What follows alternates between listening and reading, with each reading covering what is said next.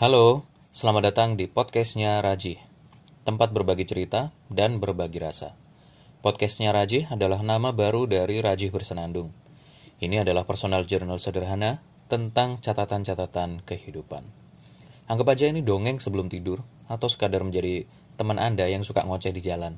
Ya, yang penting berusaha menghibur sambil mencoba nyampein sesuatu yang mudah-mudahan bermanfaat. Episode ini adalah bagian dari tantangan 30 hari bersuara 2022 yang diselenggarakan oleh komunitas The Podcasters Indonesia. Selamat mendengarkan. Halo para pendengar semuanya. Episode kali ini sesuai dengan ketentuan dari 30 hari bersuara 2022 membahas tentang mental health. Mental health itu penting banget untuk semua orang, semua orang, baik anak-anak, orang dewasa, pelajar, mahasiswa. Yang mau saya fokuskan di sini adalah kesehatan mental para mahasiswa. Ya mungkin ada sebagian mahasiswa yang kehidupannya enak-enak aja. Pagi datang kuliah, siangnya makan bareng pacar, sorenya hangout sama pacar, malamnya nggak tahu ke mana sama pacar gitu. Entah terserah tapi ada loh mahasiswa yang seperti itu betapa enaknya hidupnya. Tapi ada sebagian mahasiswa lagi yang mereka benar-benar empot-empotan. Berjuang banget. Berjuangnya itu tidak hanya di dalam kelas. Di dalam kelas dia berjuang untuk konsentrasi, belajar, mengerjakan tugas. Di luar kelas dia berjuang untuk bisa membiayai kehidupan perkuliahannya. Dia juga berjuang untuk misalkan orang tua gitu untuk organisasi dan lain-lain. Proses-proses itu tadi tetap membutuhkan mental health, kesehatan mental. Pasti ada tekanan-tekanan. Ya meskipun hanya sekadar kehidupannya itu interaksi dengan pacar aja, tapi tekanan itu ada. Gitu. Meskipun tidak sebesar tekanan para mahasiswa yang benar-benar berjuang melawan uh, hiruk pikuk kehidupan. Harus berjuang uh, mencari biaya kuliah harus memperjuangkan organisasi rapat siang malam dan lain-lain. Uh, belum lagi ditambah dengan tekanan dari kampus terkait tugas-tugas. Sadar atau tidak kalau saya baca perilakunya makin ke sini semenjak pandemi tugas-tugas itu semakin banyak. Lalu mahasiswa memang harus dituntut belajar mandiri, banyak menuntaskan tugas-tugas yang sifatnya itu ya harus mereka kerjakan seperti bikin artikel kah atau bikin rangkuman resume resum apa rangkuman dari buku ngerangkum jurnal nerjemahin mungkin dan lain-lain bikin essay. Macam-macam masalahnya tugasnya tuh nggak cuma satu dua. Ada 4 sampai enam kalau nggak salah. Mungkin ya mungkin seperti itu terjadi. Atau mungkin tugasnya bikin video baik malah tambah susah lagi. Uh, ya bisa bisa susah bisa enggak sih? Tergantung mahasiswanya. Kalau dia terbiasa dengan video ya mudah-mudah aja. Kalau nggak terbiasa ya itu tantangan tersendiri kan Nah, makin ke sini makin banyak tantangan, semakin tambah semester, semakin nambah tantangan. Ketika ngerjain skripsi, tekanan makin tinggi.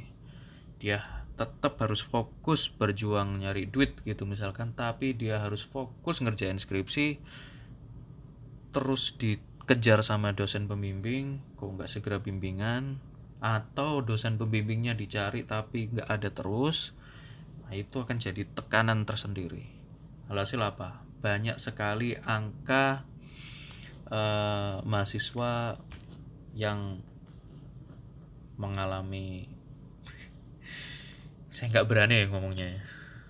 Coba ya sambil saya browsing sambil kita coba pastikan angka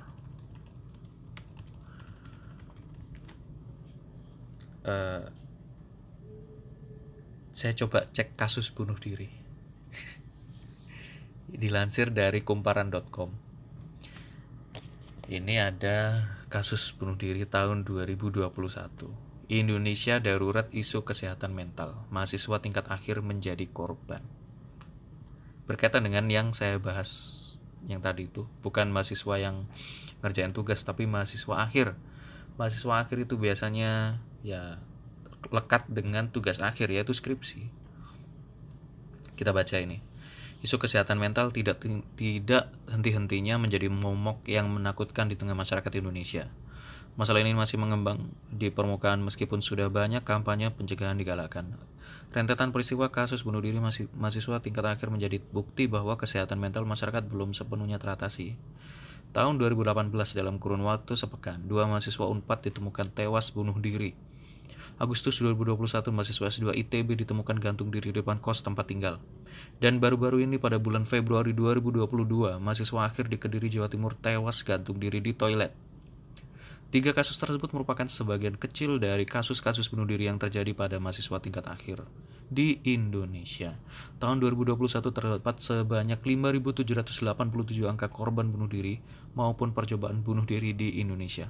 Angka tersebut bukanlah angka yang kecil. Angka tersebut bisa saja terus naik apabila tidak ada pencegahan yang masif dari pemerintah. Oke. Bukan hanya pemerintah ya, ya oke benar pemerintah saya sepakat pemerintah ikut andil ini uh, saya rasa yang ikut andil juga adalah lembaga pendidikannya. Uh, begini ada kaitannya. Lembaga pendidikan memaksa akan terus memaksa mahasiswanya untuk fokus pada tesis uh, memaksa mereka untuk segera lulus dengan cara apa pun bahkan sampai menekan mental mungkin ya. Itu juga merupakan dorongan besar dari pemerintah. Karena pemerintah menetapkan standarisasi. Ketika lembaga tidak memenuhi standarisasi misalkan ada mahasiswa yang tidak lulus berapa semester gitu maka pemerintah akan ngecap jelek ke universitas tersebut. Makanya eh, tekanan itu terus datang. Wajar. Ya bukan wajar ya tapi ya datang terus gitu. E, seakan menjadi hal yang wajar kalau nggak ditekan ya nggak akan jalan itu mahasiswa kan. Kita padahal kita belum tahu masalahnya si mahasiswa itu apa dulu gitu loh. Ya masalahnya juga uh, bisa jadi ya bisa jadi pemerintah dan universitas hanya bisa memberikan tekanan tanpa memberikan solusi. Semestinya Eh, kampus yang lebih dekat dengan mahasiswa bisa mencari tahu dulu apa permasalahannya. Kenapa dia tidak kunjung menyelesaikan tesis atau skripsi.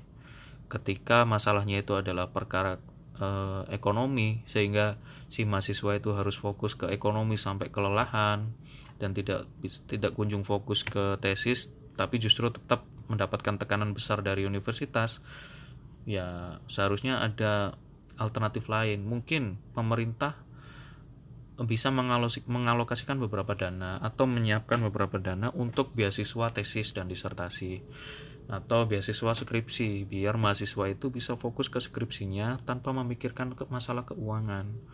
Beasiswanya juga dibuka selebar-lebarnya. Uh, saya rasa beasiswa BPI itu bagus karena semakin memperlebar ruang bagi masyarakat Indonesia untuk bisa menerima beasiswa. Tapi uh, saya rasa perlu lagi diperlebar. Anda coba lihat uang yang dikorupsi oleh pemerintah. Sebanyak itu, sebanyak itu. Duit-duit yang dikorupsi itu banyak, baik itu pemerintah level desa, level mana lagi, kota, kabupaten, bisa jadi provinsi, mungkin pemerintah pusat, itu juga rawan yang namanya korupsi. Duit itu banyak. Daripada duit itu banyak dan dikorupsiin mending coba dipakai hati nuraninya gunakan untuk pengembangan SDM kita melalui bidang pendidikan. Buka beasiswa seluas-luasnya berikan kesempatan orang-orang itu yang sedang belajar agar mereka bisa fokus belajar Sekalinya mereka bisa fokus belajar, terbantukan, mereka tidak terpikir dengan ekonomi, mereka bisa meningkatkan diri mereka, fokus meningkatkan diri, lulus menjadi alumni yang berkualitas. Dengan menjadi alumni yang berkualitas, mereka nantinya ketika setelah lulus menjadi orang yang bisa menghidupi dirinya sendiri dengan baik, mendapatkan pekerjaan yang layak.